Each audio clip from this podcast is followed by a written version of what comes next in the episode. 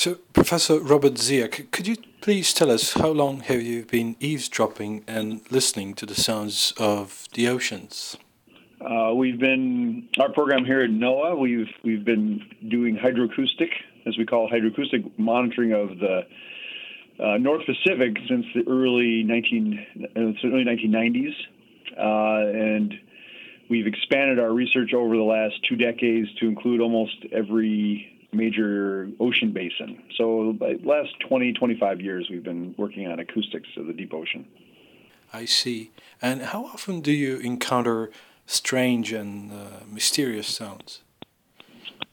Um, it, you know, initially when we were doing the work, there were many things we, we couldn't explain or didn't quite understand. I think as time has progressed, we've we've learned a lot, a great deal about what makes sound in the ocean. And I'd say now when we do experiments, we don't really encounter much. We we can't we, we can't categorize or we can't attribute a source to the sound.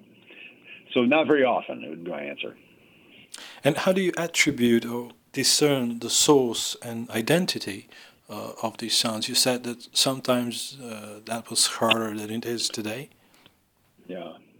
And mostly it's through experience. You know, we, we are able to, over the past you know, over the past years, we've been able to go out and, when we record a sound, go to the source and document what was making the sound. For example, we were getting a lot of loud tremor sounds, and we, we found out that was being created by an actively erupting volcano. So we were able to categorize that.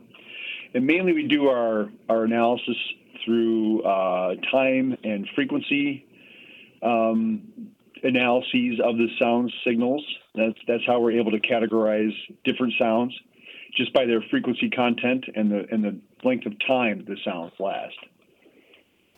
I understand. One of the most mysterious or the most famous sound also comes from the ocean. Why is the bloop, which was recorded in 1997, so interesting and so mysterious, uh, Professor Dziak? Well, initially it was uh, it was thought to possibly be, be biological in origin because of its relatively high frequency characteristics. Um, but a lot of the, the misperception on the, the signal, the, the bloop, and being biological in origin came from the way that it was played. It, we put it on our website back in the late 90s, and it was typically played back at a high speed, at a higher rate which uh, makes it sound somewhat like a, you know, sounds like an animal, like a bird almost, or a whale. Um, so that was that was the origin. We we recorded the bloop signal on hydro, our hydrophones in the North Pacific, but the source of the the bloop was really far away in the South Pacific, way far south, even south of uh, South America. So it was difficult for us to get down to that area to quantify or you know to quantify the source and kind of get an idea of what might be making the sound. So for years we had to we went along with really not an idea of what that source of the bloop might be. But it was like within the last within our we started doing experiments in Antarctica in the mid 2000s, and it was then that we began to record a you know, myriad of ice related sounds, and it became clear to us then that the bloop source was most likely something to do from uh, ice breakup. I see. And there are other unusual sounds like slow down, Julia, and train. Which among the unexplained underwater sounds is the most enigmatic uh, for you personally?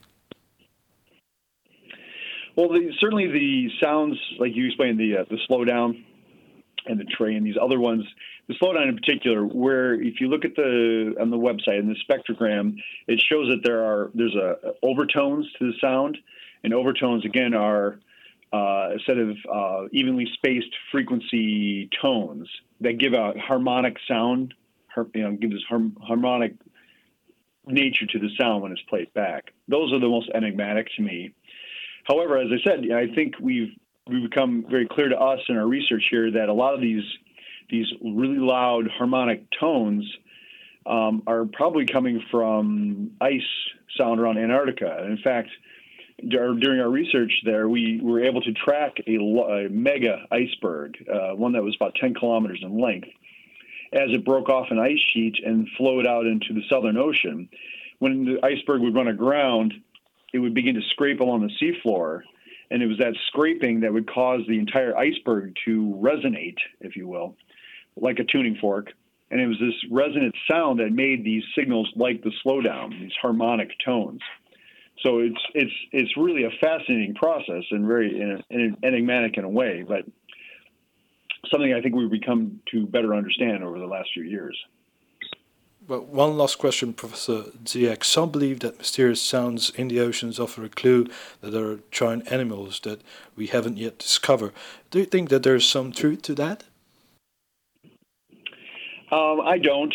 I don't. I don't think that's the case. I think nowadays we can we can attribute almost any sound to the major sound categories, like from geophysical sources like submarine volcanoes and earthquakes.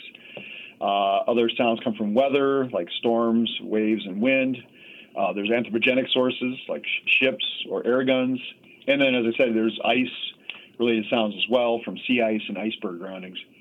Um, there clearly are uh, biological sounds, of course, in the ocean that we record, mainly being large uh, marine mammals, whales, for example, that make clear sounds. And and we see, you know, we see large, uh, we see sounds from the blue whale, which is the largest mammal on, the planet, and it makes clear vocalizations, clear sounds that we record.